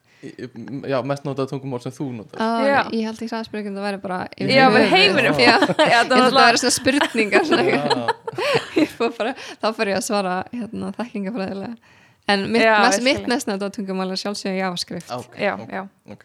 það skil ég ég, hvað ég tengdi það ekki eins og þannig. Nei. Mér finnst það áhugavert, ég, Já. ég, ég var svona, "Mm, hvað er hún að gera Java sem, hérna, Enterprise Solutions ok, um, og já, þú vorst að segja að þið hérna verið að taka hérna vorst að segja að verið mikið að taka þá fundi mhm. en eru svolítið mikið að vinna heima Já. hvernig hefur það verið að ganga og þú veist, ertu með einhver svona sérstök tól eða aðferðir sem hafa verið að virka fyrir ykkur í hérna heimaðinu, hvað talið þið saman? Um, sko, já, ég segi, við hittumst, hefum verið að hittast í personu einu í viku, sem Mhm. tökum bara alveg langa, góða fundi Mhm. og setjum alltaf verkefni fyrir bara næstu viku og förum yfir það sem við vorum að gera og það, hérna, hefur gengið bara rosa vel og við erum í rauninni ekki svona með enn sérstök tól Nei, en eru þið það að nota agile þú veist, eru þið að gera spretti eða eru þið bara að fara í við erum verkefnin svona hálgera spretti en samt ekki Já. algjörlega, þú veist, við notum bara svolítið bara svona eftir því sem hendar Já. við erum út af teimið er ennþá til dælega lítið, þá hefur Já. ekki þurft að vera mikil verkefna stjórnun Nei, nei, en, en við notum svona, svona kanban board og hérna, to do, doing, done en við- stemning. Já, en við erum ekki að skoða einhver svona story points eða veist, við erum ekki estimate að vinnu á hlutum. Nei, Það er ekki svona- planning poker. Nei, og þegar við erum einhvern veginn bara alltaf að þróa þróa þessa vöru. Já, þetta Hún gerist er- náttúrulega hratt já, hún er alltaf að breytast og það það einhvern ekki? veginn skiptir ekki máli hvort þú ert að að estimate eitthvað. Já, eða er það ekki ekki. fyndið einhvern veginn? Og lappar út á fundinum og bara eitthvað, ó, ég er að gera allt annað en ég var að gera já, en það, en það er svona skemmtilegt við það þetta. ekki, já. Og Og þið voru að fá fjármagn eða, Mhm. semst, uh, jú, fjármagn bara Já. uh, fyrir, og það var það sem þú varst að tala um áðan er það ekki, seed, Mhm, fund, seed funding, seed einmitt. Mhm. uh, það lítur að hafa verið léttir að, eða, hafði, þú varst náttúrulega ekki endilega að pæli því en nei, en svona það var, veist, auðvitað ákveðin lettur í því Mhm. en maður svona hafði svona, kannski ekki bynt miklar áhyggjur að því en náttúrulega gaman að vita að, að ég sé með vinnu eitthvað Nákvæmlega en núna svona gatt sagt fjölskyldinu minna Já. þú veist ekki lengur hafa áhyggjur af mér allir bara eitthvað, hvað, já og líka einhvern veginn, þetta var svona snertanlegra að því að þú veist, þið voru ekkert búin að segja frá fyrirtækinu eða Einmitt. og ekki að það hefði eitthvað mikið verið að segja frá henni en það var allavega frétt tilkynning um Mhm. að fjármagnið hafi gengið eftir þannig að Akkurat. þú gast svona, hei, hérna er eitthvað sem ég get deilt Mm. uh, frétt tilkynning, ekki endilega vefsíða en allavega eitthvað svona áþreifanlegt. Var svona búin að vera í smá forröðan og hóli allan vetur eitthvað, já, ég er að vinna í appi. Nákvæmlega. Og en já, hvernig gengur þú veist heimavinnan, hvernig eru þið að vinna saman og Já, bara í rauninni við skiptum bara upp verkefnum og svo þegar kemur upp við þurfum að vinna saman eða kíkja okkar þá hoppum við bara á oftast á bara Zoom Já. simtal fund, eitthvað svoleiðis, við notum Slack greiðlega mikið, okay. og eru þið með eitthvað svona rituals þar? Bara einu svona dag þá sittum við inn á eina rás bara hvað við gerum í gera, hvað ætlum við að gera í dag? Já. við svo tökum ekki svona hefðbundna stand-up fundi. Nei, um, okkur fannst það bara eiginlega óþarfi fyrir svona lítið teimi algjörlega. Kannski meiri samskipti hvað sem er þannig að þið veitum Já. meira hvað er að gerast. Akkurat. Mhm. og uh, ég, sko hvað, hvað er svona uh, stóra myndin, er það eitthvað að hugsa um mögulega að fara út með hugmyndina eða Algjörlega og í rauninni tengist það svolítið bara fjármagnin sem fengum Mhm. að það var bara alltaf fyrsta skrefið að fara út til Kaliforníu eða stúð til bandaríkin að fá fjármagn þar til þess að setja grundvöllin fyrir mm -hmm. þess bara alþjóðlegt fyrirtæki og veru og þess að rauninni núna kannski á Íslandi verður notað sem, bara svolítið bara sem svona kannski tilraunadýr fyrir Mhm. appi en alltaf mjög Og- skemmtilegt að fá ákveðin samfélag sem við þekkjum nú svo vel Já, sem er svolítið svona aflokað til þess að testa og Þið finnst ég að hafa heyrt þetta áður að Ísland sé notað í einhvers konar svona testing. Já, þú veist ekki á því.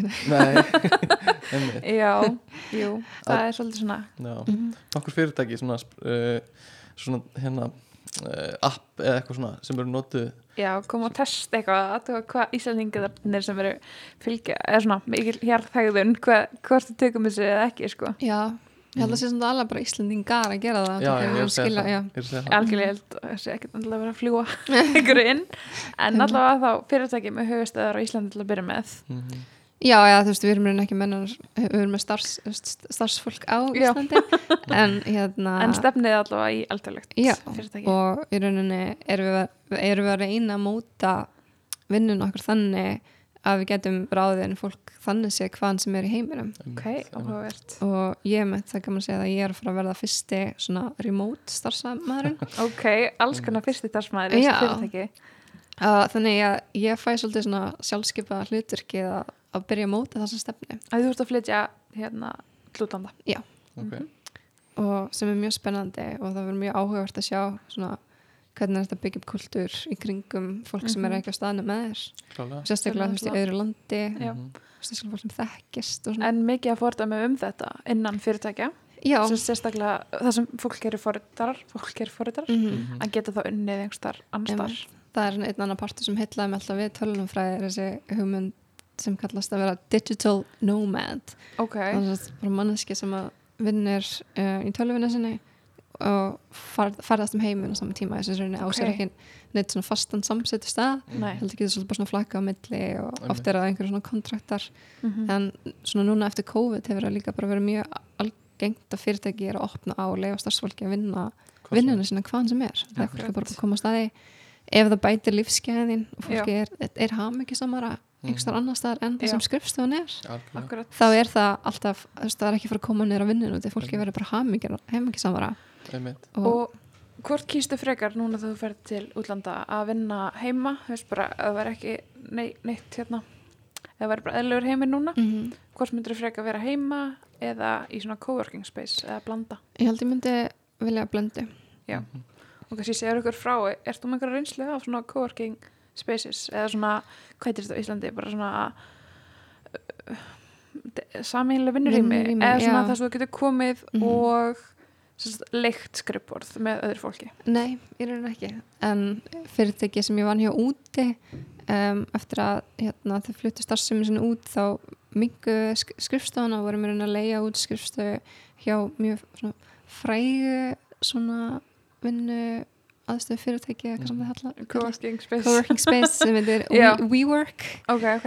Og þá voru við sérst að leia bara litla skrifstofu inn í því þannig að það var allt svona samilegt eldús og svona og voru einhverjur viðburðir og ok, það var auðvitað kombucha on tap og bjór á fyrstu dögum og svona. Þannig að það er alveg mjög skemmtilegt er snack svona, stations. ég sé alveg fyrir mér að svona, sem manneski sem veist, er ekki að mæta á skrifstofuna já, og fá félagslíf, fjall, kannski eitthvað félagslíf frá Mhm. fyrirtækinu og það getur verið eitthvað samfélag sem myndast á svona stöðum já Algjörlega. mæta stundum í vinnuna en mér finnst nú ofbúðslega hyggulegt líka bara að vinna heima í jókuböksunum það elda mér Einmitt. hátíðismat og svona Já. já, gott kaffi Eh, eða te Mhm. Hvað, eru þið komið með tímalínu fyrirtæki sem þú veist með einhverju produkt og, og hvað á að gerast?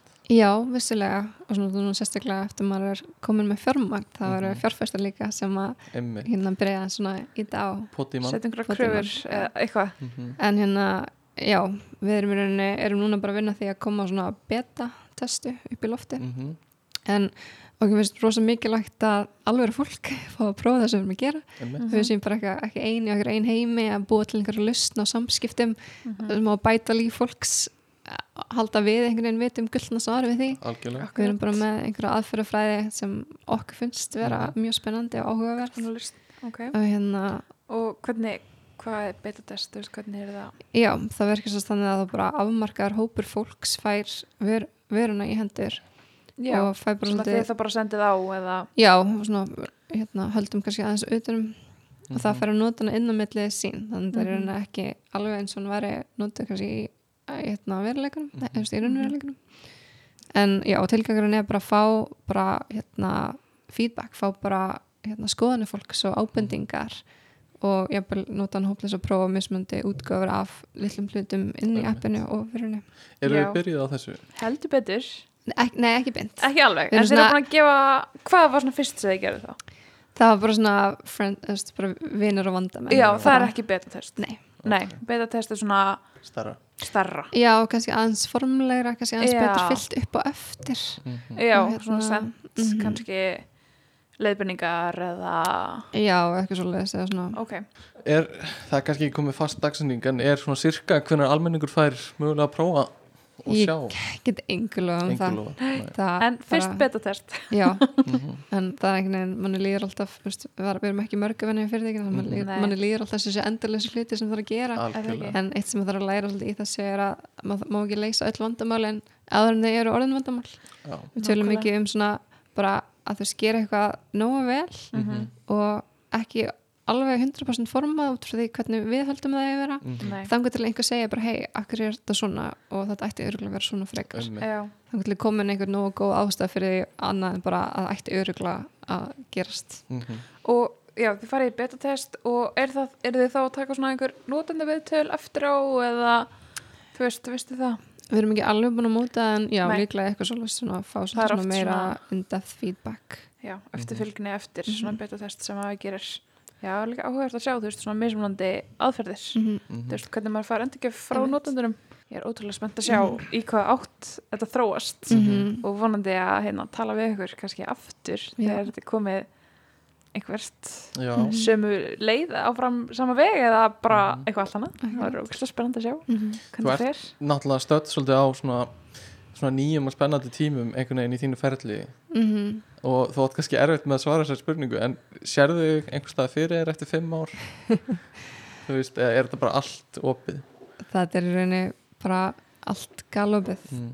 myndur þú vilja vera, þú veist, komin á kannski inn á saman fyrirtækis eða annar staðar orðin, þú veist, yfir manneskja stjórnunarstöðu eða Um, forröðar að þá mögulega kannski bara með mitt eigið fyrirtæki já, Ok. okay. Ekki en í rauninni, núna er ég fá bara rosalega gott tækifæri til að læra Mhm. allt um bara hvernig maður kemur hlutum á lagnin og búið til veru frá grunni snill Mhm. af mjög reynsum miklu fólki. Þannig að vonandi fleitir það manni eitthvað mm -hmm. og leiðinni kynnist maður líka góðu fólki. Mm þannig að ég segja kannski sjálf að maður er svona kannski líka bara leita að góðu samstagsfólki á leiðinni. Veist, algjörlega, ef maður hérna, hugmynd hverju myndi þið langa að stopna fyrirtæki með? Nákvæmlega um, ég held að við ættum kannski bara að fara svona að, að setja niðurlega í þetta mm betur er eitthvað sem þú myndi vilja nefna í lokin eða erstu bara heldur að við séum búin að dekka þetta allt tökum svolítið góða yfirferð yfir það sem þú hefur gert nú Mhm. þegar já, tökum fyrir tölunafræðina, hackathonin Mm. og ADA, Microsoft já. Klálega. Silicon Valley Internship Program Mhm. og núna síðast Fractal 5 Mhm. Er einhver staður sem að fólk getur fylgst með þér eða einhverjum öðrum verkefnum sem að ég er raunin ekki með neitt eitthvað svona presence það má hver sem er aðeins mér á LinkedIn já, ertu fyndin á Twitter ég, ég er ekki með fyndin á Twitter Ekki ég, með ég, er fyndin á Twitter? ég er svona lörkir á Twitter Já. ég retweeta stundum en það er mjög sjaldan Mhm. ok, og hérna landan á milli Ok. en já, já, þá held ég að við bara þökkum þér kærlega fyrir að hafa gefið tíma svona rétt að þú múst að fara til útlanda já. að koma hérna í viðtal hjá okkur Mhm. og við hlökkum til að fylgjast með hvað er framöndan, hvernig verður hjá þér í útlandinu og hvað Fraktal 5 mun gera næstu ár. já takk